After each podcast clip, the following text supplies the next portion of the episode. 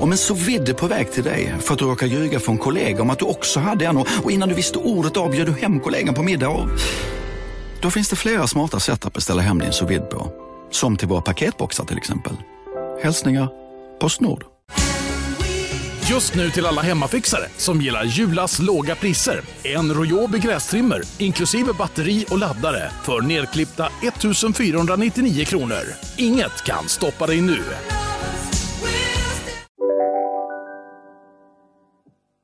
Du är inte Sveriges Oprah. Oprah är USAs Malou. um, ja, inte vet jag. Det kanske man kan säga. mm. Om man är lite kaxig, för det vill du gärna att jag är antagligen. Absolut. Ja, då gör jag det. Du lyssnar på Fördomspodden, podcasten där jag drar alla mina fördomar om och för en känd person. Och med jag menar jag Emil Persson i samarbete med Café.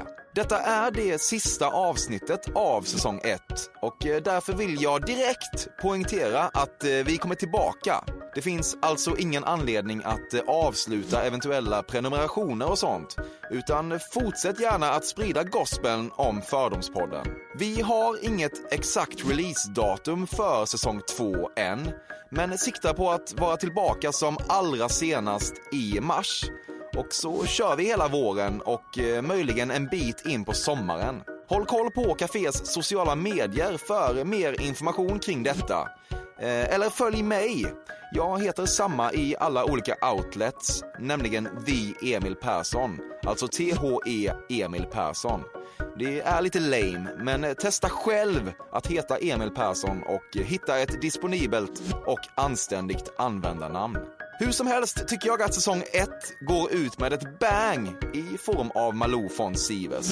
Hon är ju en eminens inom mediesverige och har jobbat på Aftonbladet, Expressen och L men är förstås allra mest känd för sitt mångåriga och gedigna arbete i TV4. Hon har intervjuat åtskilliga personer från alla samhällsskikt och bakgrunder i olika sammanhang.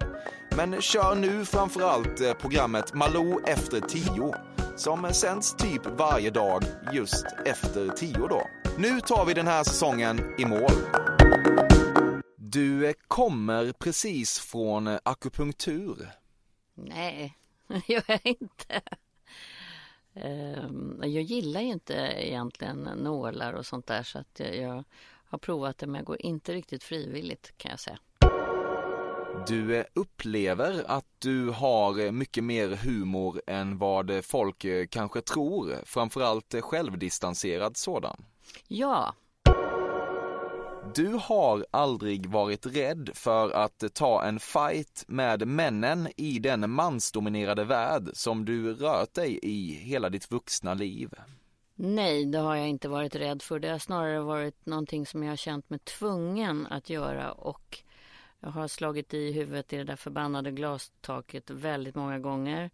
Jag har i olika program där jag varit programledare varit med om hur män Eh, om jag har suttit med en manlig kollega har svarat eh, jag har ställt frågan och de har inte tittat på mig när de har svarat till exempel utan tittat på min manliga kollega. Sådana väldigt subtila saker.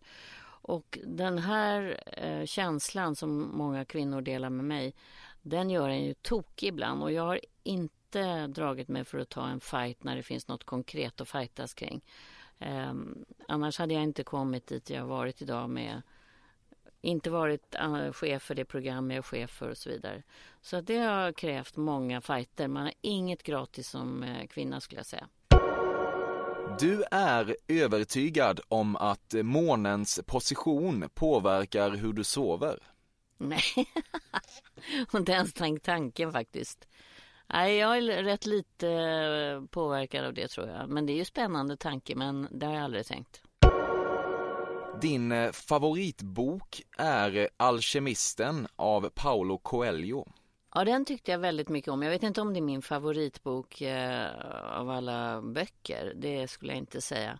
Men, eh, men jag gillar den nästan bäst av det han har skrivit. Den finaste låt du vet är eh, Eva Cassidys Fields of Gold. You remember me when the west wind moves among the fields of barley. You can tell the sun in his jealous sky when we walked in fields of gold. Ja, det tycker jag är en fantastisk låt. Eh, Eva Cassidy, inte nog med att hon har en röst som är så otroligt melankolisk och man blir så där uh, berörd av henne. Så är det också hennes tragiska livsöde att hon dog så ung och blev liksom aldrig den hon kunde ha blivit. Det är inte ovanligt att du en lagom het sommardag slopar trosorna under klänningen. Det är en frihetskänsla som inte går av för så kallade hackor och fler kvinnor borde våga följa i dina fotspår där. Absolut. Mm. Det tycker jag är frihetskänsla. Du tyckte att kritiken mot eh, föreställningen Nyhetsankorna, som eh, sedermera fick läggas ner, var helt obefogad och orättvis. Ah, jag tyckte att det låg... Jag tyckte om du syftar på den recension som fick stor uppmärksamhet, Jane Magnussons recension. Mm, I DN va? I Dagens Nyheter ja, så tyckte jag att den var cynisk och elak. Eh, hon gav sig på mig och Lennart Ekdal som var de enda kända personerna med där. Däremot så tycker jag inte att den skulle ha satts upp på Berns och jag sa det många gånger. Men det kändes eh, taskigt mot kollegor och andra att hoppa av. Eh, så att jag tyckte kritiken var befogad. Jag tyckte det var bra att den lades ner. Men jag tyckte det, det finns olika sätt att säga det på. Och, eh, men hon gjorde nästan karriär på den där tror jag. Du dekorerar gärna mat med fysalis. Nej, det har jag inte gjort. Det är en vacker färg på fysalis. Men nej, men det har jag faktiskt inte gjort. Du anser att du sjunger fantastiskt. Jag önskar att jag kunde sjunga fantastiskt. Jag anser nog inte att jag gör det faktiskt. Men jag har länge haft en dröm om att eh, kunna göra det. Och så, nu har jag nog nästan givit upp den och givit mig på andra svåra saker istället. Men du har sjungit i ditt liv? Jag har sjungit absolut i mitt liv. Både som ung i Grekland på en eh, klubb varje kväll med Micke Stydrakis gäng. Och senare, ja jag sjöng ju faktiskt på Berns och det gick ju inte så bra. Men jag eh, tycker nog att det lät bra ändå. Jag, jag ångrar inte just det framträdandet. Fördomspodden sponsras återigen av Air Up. Och Air Up är en innovativ flaska som smaksätter helt vanligt kranvatten med doft. Nyskapande som fan om man får säga det själv. Och AirUp har utvecklats för att man ska slippa välja mellan smak och hälsa. För med det här systemet så gör man sig själv en tjänst varje gång man vill dricka något gott. Och att smaksätta vatten med doft kan ju låta lite som, jag vet inte, magi. Svartkonst nästan. Men AirUps hemligheter är högst vetenskapliga för det kallas retronasal doft. Eller med ett enklare ord att uppleva smak med näsan. Ja men exakt, och eh, alltså AirUp är ju en gammal kär vän till mig. Jag eh, har ju haft min AirUp-flaska här på jobbet i ja, men ett halvår nu och det är ju faktiskt så att det har revolutionerat hur mycket jag dricker vatten. Jag, det är inte bara jag, utan alla med mig här på kontoret har en AirUp-flaska och alla med mig har ja, börjat dricka mycket mer vatten. Och Anledningen till det är ju precis som du säger, de här poddarna, så små liksom, plasthöljen eh, som man sätter på din AirUp-flaska för att få smak. Mm. Man kan få en ny favorit som har dykt upp för mig, heter söt kokosnöt. Den vill jag verkligen tipsa om. De fyller mitt vattendrickande, de borde fylla allas vattendrickande. En sak som jag tipsade lite om förra gången, mm. som jag cannot stress enough, är ju att fylla upp din AirUp eh, med bubbelvatten. Det mm. blir en eh, helt otrolig upplevelse som jag unnar alla. Det kan också bli en billig upplevelse för det finns en rabattkod som är FÖRDOM helt enkelt. Stora bokstäver där, F-Ö-R-D-O-M, som ger 10% rabatt på ett köp hos AirUp och rabattkoden är giltig till och med den 28 maj och går inte att kombinera med andra erbjudanden. Läs mer på air-up.se. Tusen tack AirUp som möjliggör Fördomspodden. Fördomspodden sponsras denna vecka av Sting Free, världens enda vita snus med skydd för tandköttet. Detta inslag riktar sig bara till dig som är över 25 år och redan använder nikotinprodukter. Nikotin är ett mycket beroendeframkallande ämne. Felix, en fördom jag har om dig och snusar i Småland generellt är att man absolut inte får visa sig svag och erkänna att tandköttet tagit stryk av att snusa. Så är det verkligen Emil. Men visst fan får man skäll av tandläkaren alldeles oavsett. Och ändå, som jag kan berätta, som länge trodde att hans tandkött tålde hur mycket snus som helst. Det var Bengt Wiberg i Stockholm. Men när han fick ont i tandköttet och tandläkaren sa åt honom att sluta så var han inte så stöddig längre. Och då fick Bengt Wiberg en tokig idé. Han tänkte, vad händer om jag sätter plåster på tandköttsidan av prillan? Är det sant? Ja. Och det funkar alltså? Alltså man plåstrar prillan för hand, så att säga? Ja, precis. Plåster på tandköttsidan av prillan testade han och det funkade otroligt nog. Och snuset smakade fortfarande gott och levererade nikotin precis som det skulle. Men det är ju liksom... Det måste ju ändå vara revolutionerande det här. För en riktig skitgrej med snus är ju att tandköttet tar stryk. Eh, och det här låter ju ändå som en, någon slags produkt som är, blir lika självklar som typ ja, men bilbältet eller en cykelhjälm eller vad som helst. Ja, precis. Ja, men vi, vi är många som har haft problem med det här genom åren sannoliken. Och nu är den här idén patenterad och istället för plåster så är det blå skyddet inbyggt i prillorna. Och Sting Freeze produkter finns att köpa i butik och på nätet. Så läs mer om världens enda vita snus med skydd för tandköttet på stingfree.se. Tack Sting Free! Och tack Bengt Wiberg! Verkligen.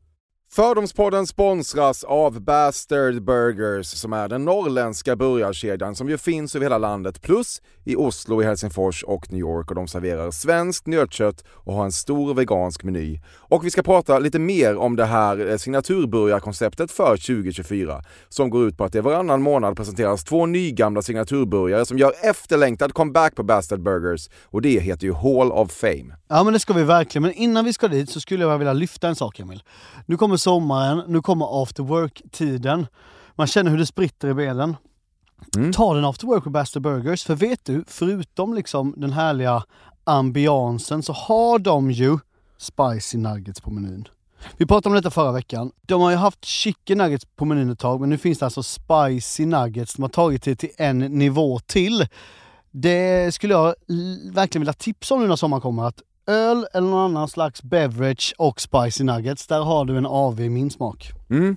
Och också det, just det här att Spicy Nuggets nu kommer finnas permanent på Just menyn. det, Jag tycker det finns verkligen. en otrygghet i, i, i vissa eh, matkedjor när, när vissa grejer bara återkommer då och då och man vet aldrig om ens favoriter finns där. Men Spicy Nuggets som är godare än vanliga nuggets som man är lagd åt ett spicy Mm, hållet, vilket jag är, kommer nu alltid finnas där. Det finns en trygghet i det. Jag vill också slå ett slag för att det nu i maj släpps även en ny signaturburgare och det är alltså ingen mindre än The Notorious Chili Cheese. En burgare med chili cheese på. Man minns när chili cheesen kom in i ens liv och förändrade livet till det bättre. Det är ostigt, det är starkt, det är otroligt. Det innehåller alltså massa ost och lite jalapeno och allt detta kan du såklart få om du laddar ner appen för Bastard Burgers och beställer eller för guds skull går till en fysisk restaurang. Tusen tack Bastard Burgers som möjliggör Fördomspodden. Tack Bastard! Du eh, gjorde ett ganska stort nummer av att eh, sörja den hädangångne skådespelaren Alan Rickman när han dog, trots att han egentligen inte betydde särskilt mycket för dig. Nej, det gjorde jag verkligen inte. Jag tror inte jag sa ett ljud. Du har ätit rökta räkor med aioli på seglarhotellet på Sandhamn. Mm. Ja, men det måste jag ha gjort eftersom jag har varit där mycket. Rökta rä... Ja, men det har jag gjort. Absolut. En riktigt hög internationell makthavare har eh, raggat på dig och du är lite sugen på att outa detta i dina oundvikliga memoarer. Eh, ja, men det är ju en intressant tanke faktiskt om jag ska skriva de där memoarerna. Eh, det finns mycket annat jag är sugen på att outa faktiskt. Ja, men jag, jag kanske skulle kunna göra det också. Outa det alltså, men inte än. Nej, Nej, du får vänta lite faktiskt. men eh, det finns en. Minst en. Det finns det. Du älskar Mozartkulor, eller som du kallar dem, Mozartkugeln. Jag försöker undvika dem. De är väldigt goda men jag tycker, nej jag gillar inte dem särskilt mycket längre. Bara vdn Kasten Almqvist och misstänker du möjligen David Helenius, vilket i så fall är en skandal, har högre lön än du på TV4? Eh, jag tycker nog inte det är en skandal att Kasten i så fall har högre lön än vad jag har. Ja, Helenius är skandalen i så fall. Kasten Helenius kan är nog dig. också värd en bra lön. Men det är självklart att jag vill ha hög lön så att um, jag får ta reda på det och se om jag kan höja den sen. Du har alltid känt dig mer sydeuropeisk än svensk. Jag misstänker att du har pratat med någon. Eller flera.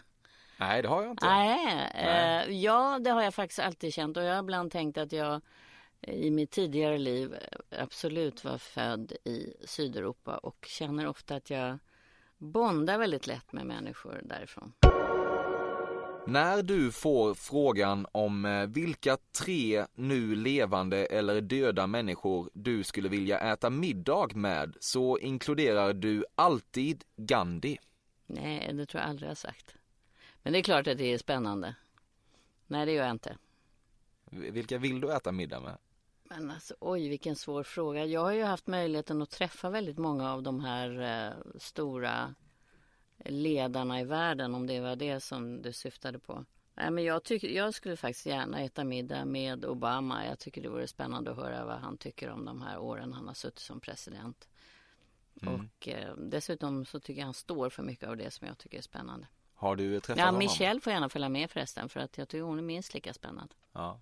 Har du träffat eh, The Obamas? Nej, Nej. men det ska jag göra.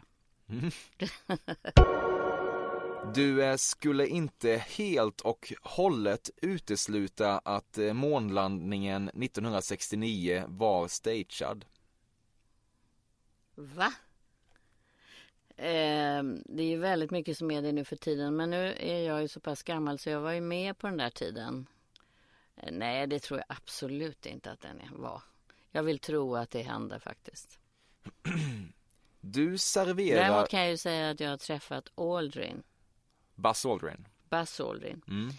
Som var en väldigt, han var inte helt sympatisk person och eh, dessutom så var han helt förgrämd av att han inte var den som först satte foten på månen utan om jag minns historien rätt, det är möjligt att jag minns den fel, så var det så att vem av oss ska gå ut först? Och det var inte Aldrin då som gick ut först och han blev den andre Mm. mannen och det där har han lidit av och var blivit väldigt bitter över. Mm. Det kan man ändå förstå. Kan du verkligen förstå? Ett helt Lite. liv alltså. Ja, det... Sån är du. Du pratar gärna och länge om ett vins bouquet. Aldrig. Jag tycker det är så ointressant med eh, att lära sig massa sån här vinkunskap. Jag tycker att vin ska man dricka och det smakar ofta gott när man är med trevliga människor i ett bra sammanhang. Så det går att lura på mig precis vad som helst nästan. Mm. Jag har lärt mig känna igen ett riktigt billigt vin. Jag skulle aldrig lära känna igen ett mycket dyrt vin. Det är bortkastade pengar på mig. Mm. Däremot så tycker jag sällskapet och, och tillfället är helt avgörande hur vinet smakar. Du serverar gärna gurkvatten hemma. Nej, nej, jag har hellre lime i med vattnet. Du har vad man skulle kunna kalla för en eh, homeopatikran. Alltså någon som langar alternativ medicin till dig utanför samhällets rekommendation. Nej, jag är faktiskt inte så mycket för sånt. Jag har absolut inget emot det och, och tycker att man borde ta mer homopatmedicin på allvar. Men jag är ingen stor fan av det, det, det skulle jag inte säga. Du har någon gång i din ungdom besökt en schaman. Nej, det har jag faktiskt inte. Lockas du av tanken? Nej, men jag, när jag var ehm, på en, de gjorde en möhippa för mig. Då rövades jag bort av en mystisk man på en motorcykel och hamnade hemma hos en kille, jag vet inte ens var det var i förorten någonstans. Och han spådde, spådde då mig i tarotkort. Mm. Och, det var, och han var, var helt förskräckt när han la ut de där korten. Och, och sa det här ser inte bra ut och jag hade ju druckit lite grann innan och det blev ju liksom katastrofkänsla för mig. Och det var en, låg någon man på kortet och genomborrad av nio svärd och, och han sa att det här och då sa jag till honom det här gillar inte jag, kan vi sluta med det här nu? Jag ska faktiskt gifta mig. Lite av en möhippa med en twist. Ja, han liksom eh, fortsatte det där. Oj, det här ser inte bra ut. Nu råkade jag ha känt min man ganska många år innan. Och vi är faktiskt fortfarande gifta. Ja. Men det var en väldigt obehaglig upplevelse faktiskt. ja.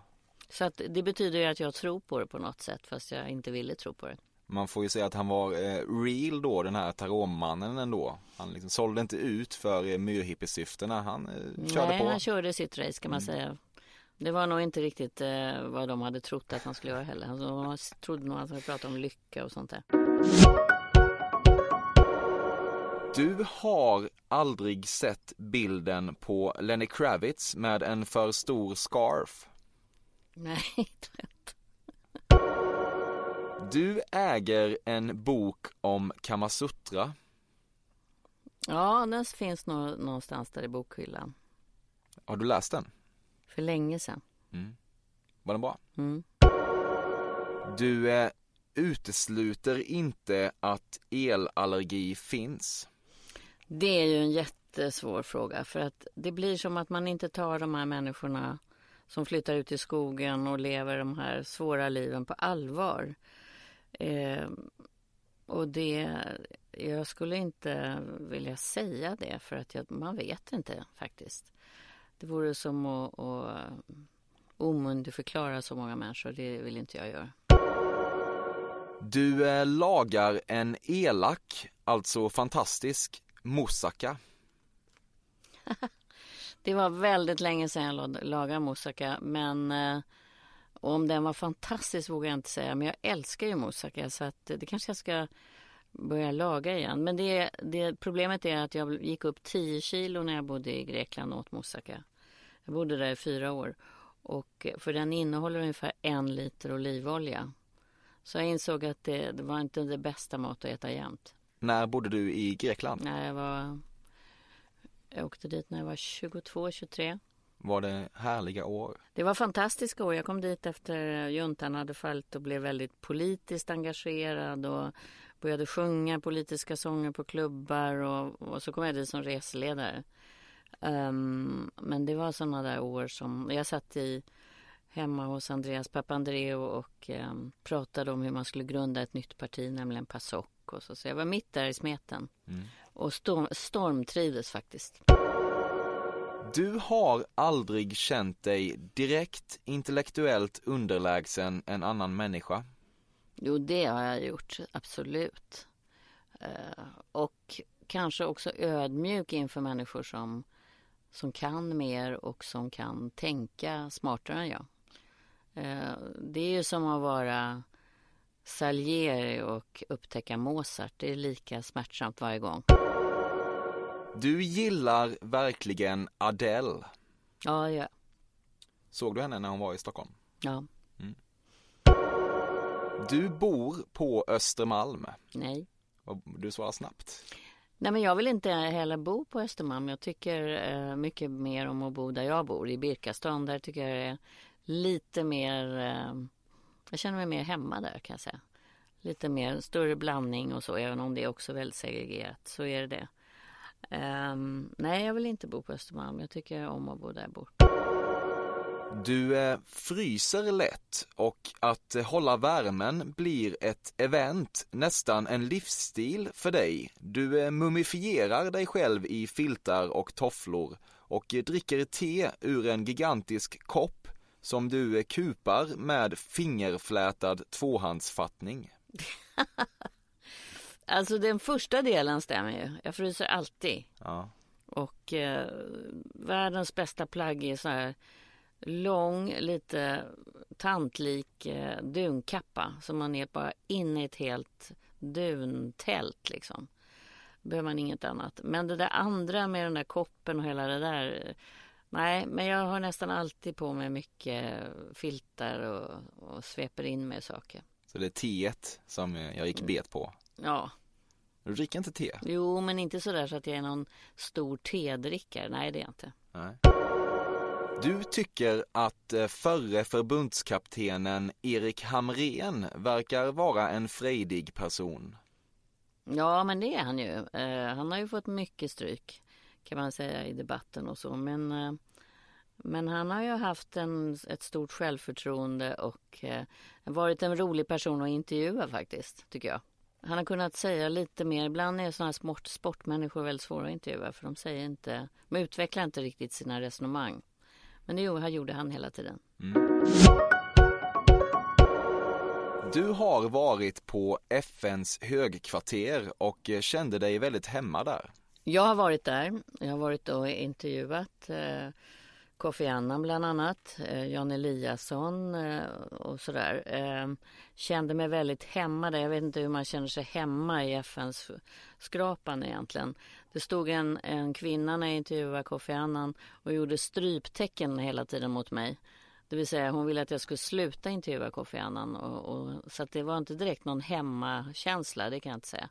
Men det är spännande att vara där. Hur var han? Han var däremot en person man kände sig hemma med. Um, han har en väldigt speciell utstrålning och ett väldigt varmt sätt att vara. Och jag förstår, han beskrev ju för mig när han på den tiden då Saddam Hussein eh, var som liksom, man pratade som mest om honom och så var ju eh, Kofi Annan där i hans bunker och pratade med honom, den mest hatade personen i västvärlden.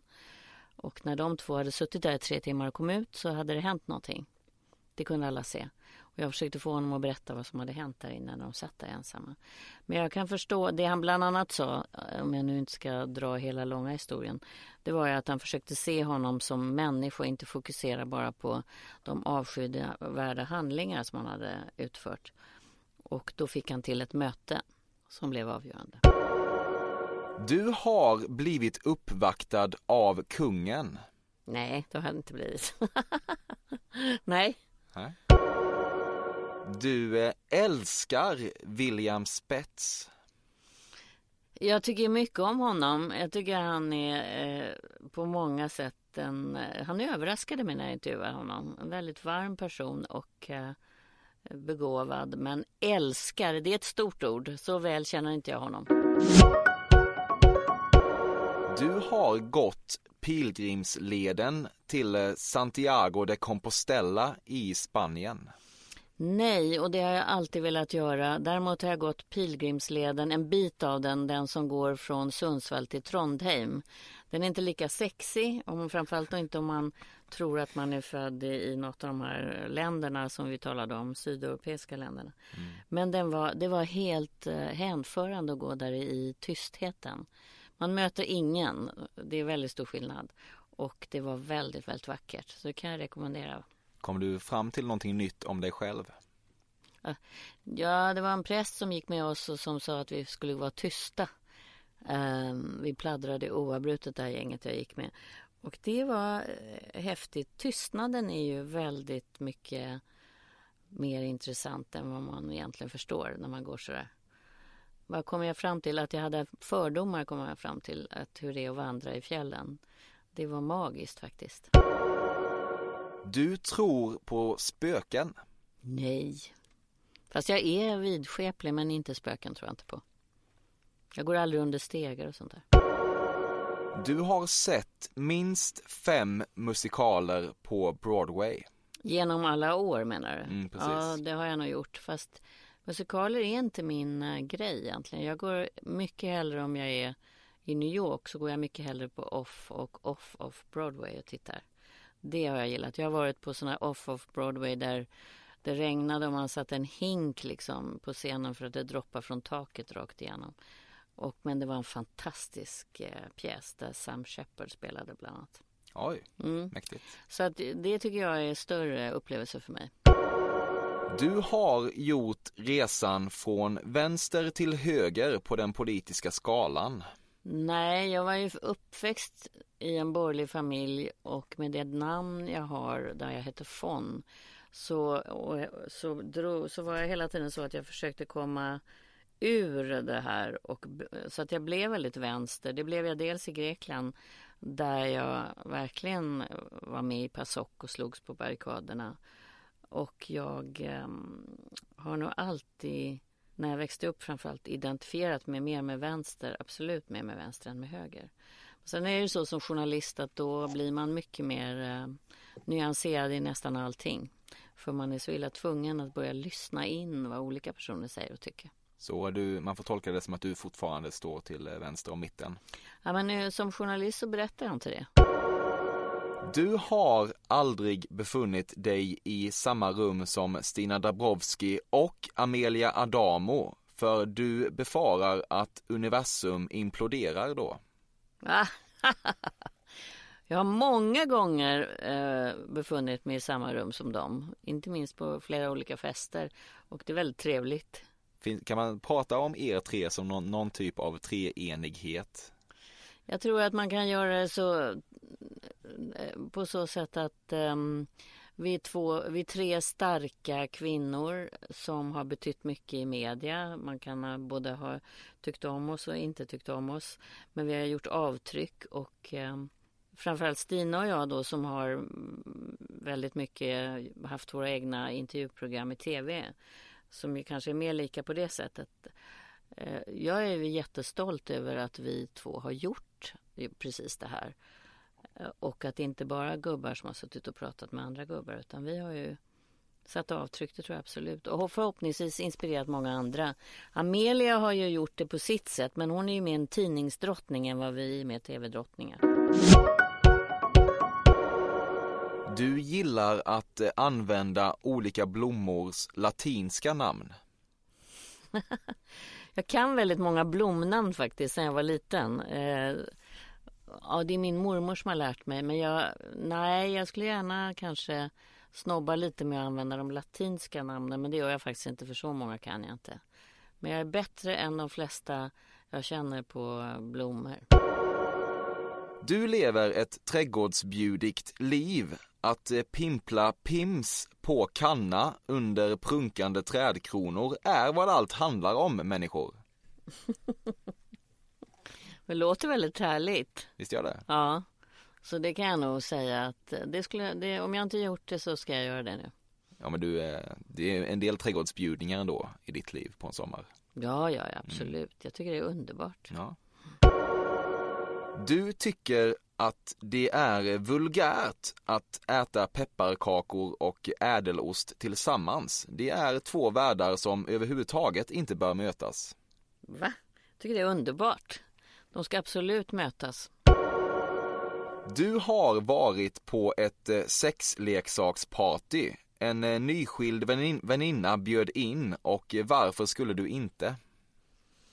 Jag skulle absolut gå om hon bjöd in på ett sånt där sexleksaksparty. Eh, Men jag har inte varit det. Däremot har jag varit in på någon sån här invigning av en sexleksaffär. Ja. därför att jag kände, den som öppnade var en bekant. Eh, så det tyckte jag var lite kul. Men, eh, och det var för tjejer särskilt då, mm. sådana leksaker. Men jag har faktiskt aldrig varit bjuden på en sån fest. Vad var det för affär? Det är en affär som, eh, som ligger här i stan på Drottninggatan som hade sådär lite exklusiva grejer för kvinnor. Små eh, rosa massageapparater och allt möjligt för. Pistill? Nej. Just det. Ja. Kanske inte ska Ja men vi är inte public service, vi kan, vi kan, vi kan damma på. De där var inne på när den invigdes. Ja. Jag vet faktiskt inte om de finns kvar. Jag tror det. Mm. Mm. Det händer att du eh, pratar om din citat resa, slutcitat. Ja, det gör jag nog. Om det är nog min mentala resa lite grann som du syftar på i livet. Ja, men det gör jag på olika sätt, absolut. Jag är ganska stolt över den på många sätt. Att eh, jag gick från någonting som jag tyckte var ett väldigt underläge till något som är väldigt bra. Du... Hej, Synoptik här. Visste du att solens UV-strålar kan vara skadliga och åldra dina ögon i förtid? Kom in till oss så hjälper vi dig att hitta rätt solglasögon som skyddar dina ögon. Välkommen till Synoptik. Ah, dåliga vibrationer är att skära av sig tummen i köket. Ja! Bra vibrationer är att du har en tumme till och kan scrolla vidare. Få bra vibrationer med Vimla. Mobiloperatören med Sveriges nöjdaste kunder enligt SKI. Här sitter jag i en ljudstudio tillsammans med ett sjölejon för att berätta att McDonalds nu ger fina deals i sin app till alla som slänger sin takeaway förpackning på rätt ställe. Även om skräpet kommer från andra snabbmatsrestauranger, exempelvis Eller till exempel Ja, precis. Du har tänt rökelse den senaste månaden. Nej. Du älskar den gamla skolans skådisar som eh, Richard Burton, Elizabeth Taylor och Humphrey Bogart och är av åsikten att de inte görs på det viset längre. Jag älskar de där skådespelarna du räknade upp. Um, så tuktasen Arviga med Richard Burton och Liz Taylor till exempel är bland det bästa man kan se. Men jag tycker inte att det är så att det är så mycket bättre än det som är nu. Det tycker jag inte. Det är lite för bakåtsträvande för mig. Jag tycker att det är jättemycket häftigt som, som man ser nu. Du har en eh, assistent som du avlönar själv eftersom TV4 vägrade. Nej, jag har ingen assistent. Men, nej, det har jag faktiskt inte alls. Du tycker att du kan eh, kommunicera med djur på ett sätt som ingen annan kan. Nej, men däremot så kan jag kommunicera med min hund och då kan jag känna ibland att jag undrar om det är någon annan som kan kommunicera med den där lilla hunden på samma sätt som jag kan. Jag kan känna i hela kroppen att jag förstår vad hon vill och inte vill och vad hon känner. Du tycker att eh, Filip och Fredrik mest eh, pratar i munnen på varandra. Ja, nej, men jag älskar dem. Ja. De pratar väldigt mycket i munnen på varandra. Men, eh, men, de, eh, men med det som, som du beskrev det nu så, så låter det som att jag inte gillar det. Det gör jag faktiskt. Jag tycker de är eh, genier på många sätt. Sen är det en del som inte blir så bra av det de gör. Men ur det växer oftast något som är väldigt, väldigt bra. De är, jag tillhör deras fans faktiskt. Ja. Brukar du konsumera deras eh, produkter då? Jag tittar på en hel del, inte allt. Eh, Jag tycker att eh, filmen de gjorde om det somaliska bandulaget till exempel är bland det bästa som har gjorts eh, när det gäller integration. Jag tycker det är fullständigt genialiskt det de gjorde då. Så att jag, jag konsumerar inte allt men jag tittar på mycket. Du har besökt Klagomuren iklädd chalett. Jag har besökt Klagomuren men jag tror inte jag hade chalett om jag minns rätt. Eh, Jag kommer inte ihåg om man måste ha det, men jag tror inte, om man hade man behövt ha det där så hade jag tagit seden dit jag kom. Det hade jag absolut gjort. Eh, Men jag har ingen minne av att jag hade det. Det känns som att du skulle kunna gilla att bära chalett även opåkallat. Nej, det skulle jag absolut inte. Det tycker jag är ett väldigt obekvämt plagg. Ja. Bara åker hit och dit och halkar runt och inte min grej. Du har alltid haft eh, ganska lätt att eh, snacka sex med dina barn. Nej men det har väl ingen. Det, jag betraktar mig som en öppen person. Jag har inte svårt att prata om sex. Jag tycker att jag har en väldigt eh, bra och rolig relation med mina barn.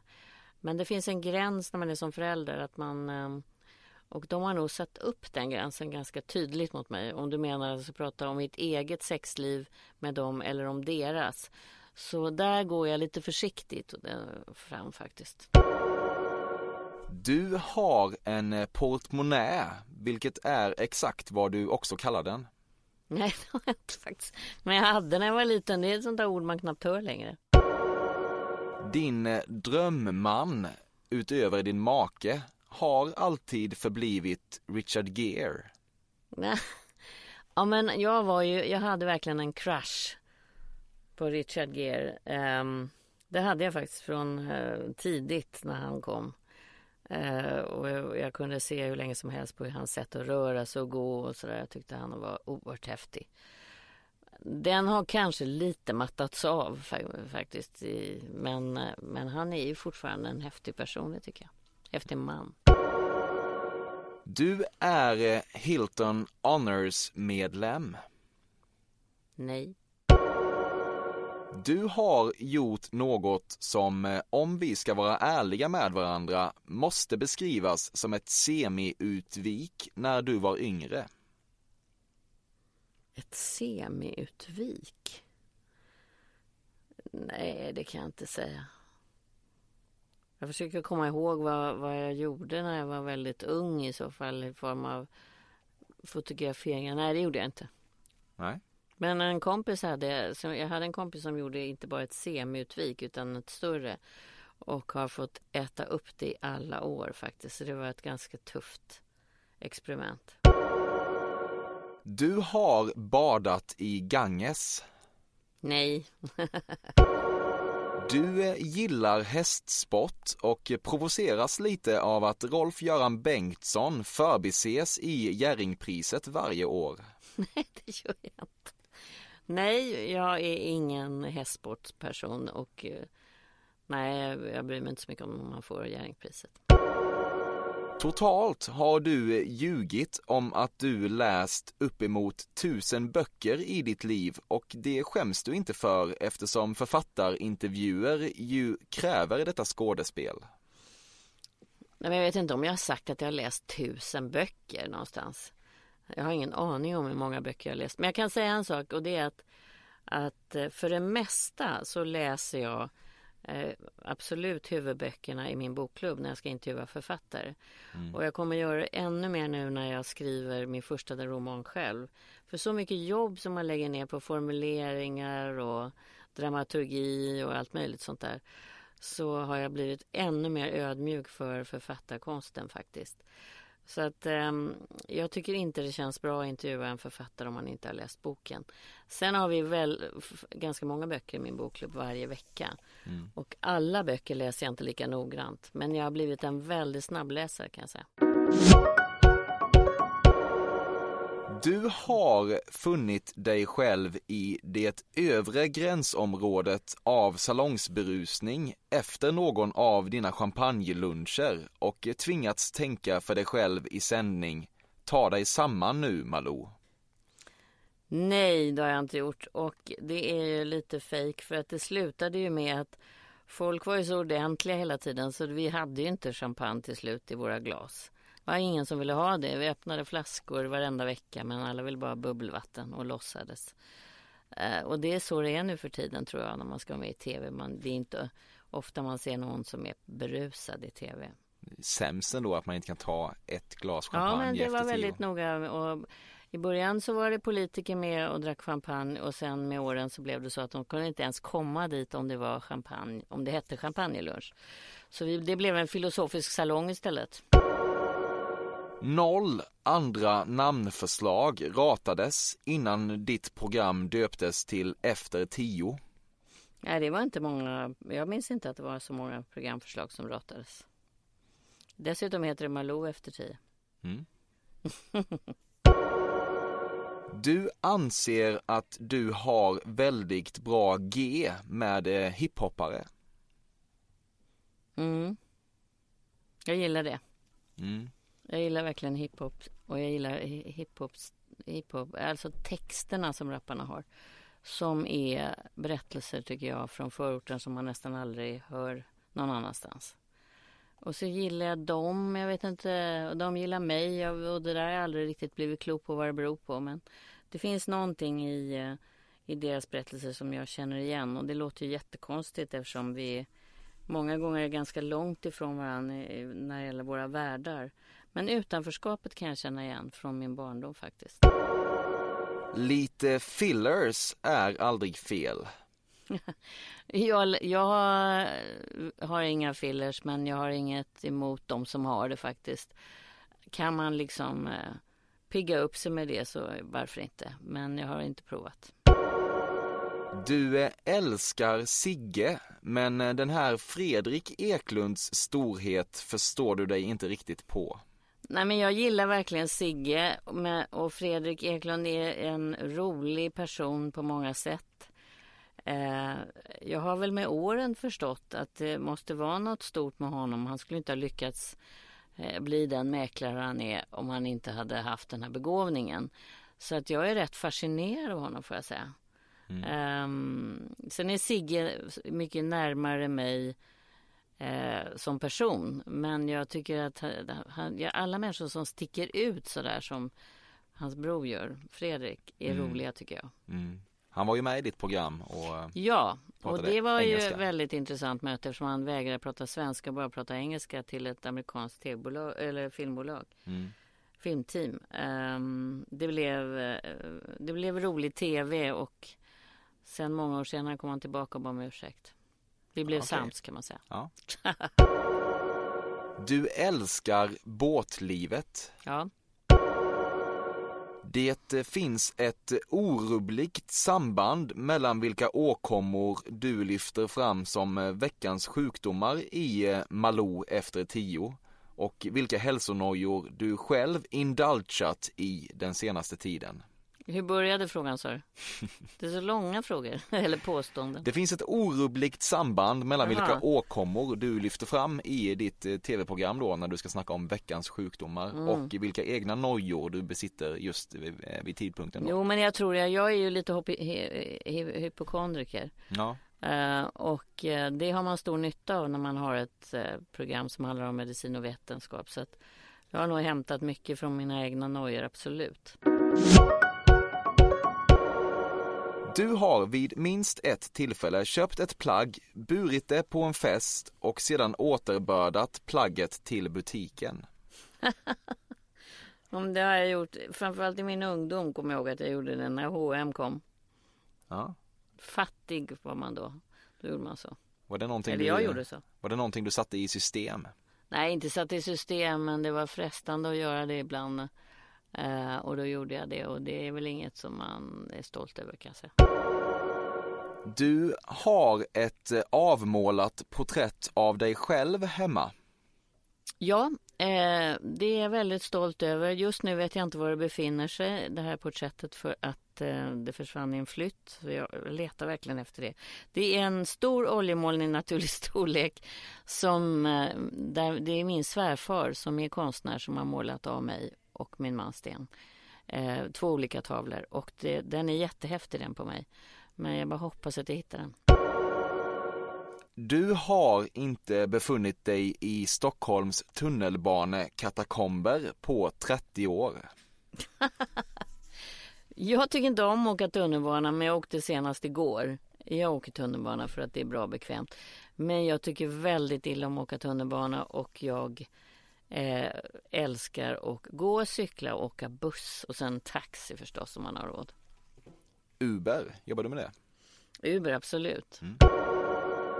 Det eh, hände på det ju inte oglada 60-talet att du befann dig i sexuella sammansättningar som involverade fler än två personer. Ehm,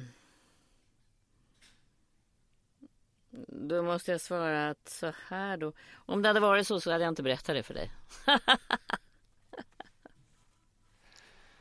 du får nöja dig med det svaret. Ja, får göra det. ja. Du eh, Malou, nu har du eh, varit med i Fördomspodden. Ja. Hur mår du? Nej men det var inte så farligt som jag trodde Nej. faktiskt. Ehm, en del grejer, om det nu var fördomar som du hade, var ju helt uppåt väggarna och andra var ganska träffande. Mm. Mm.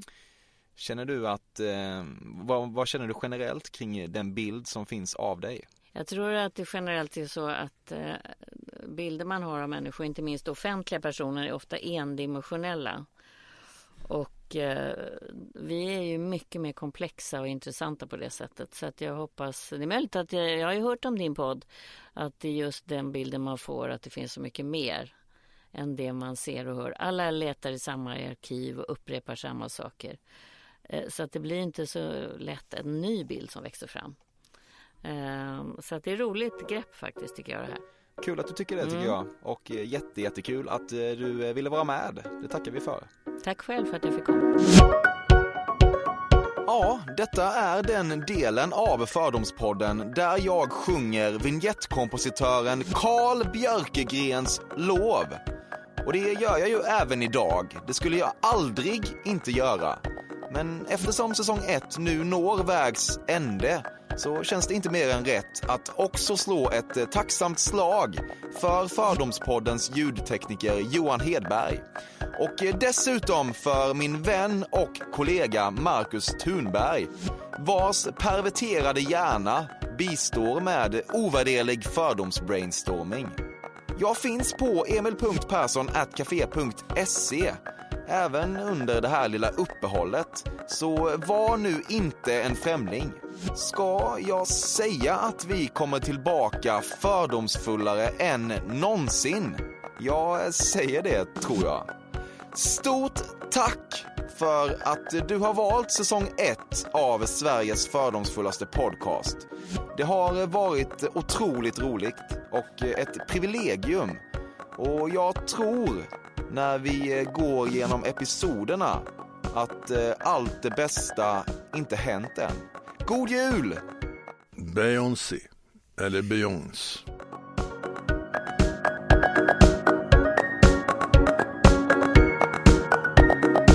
Eller Beyoncé.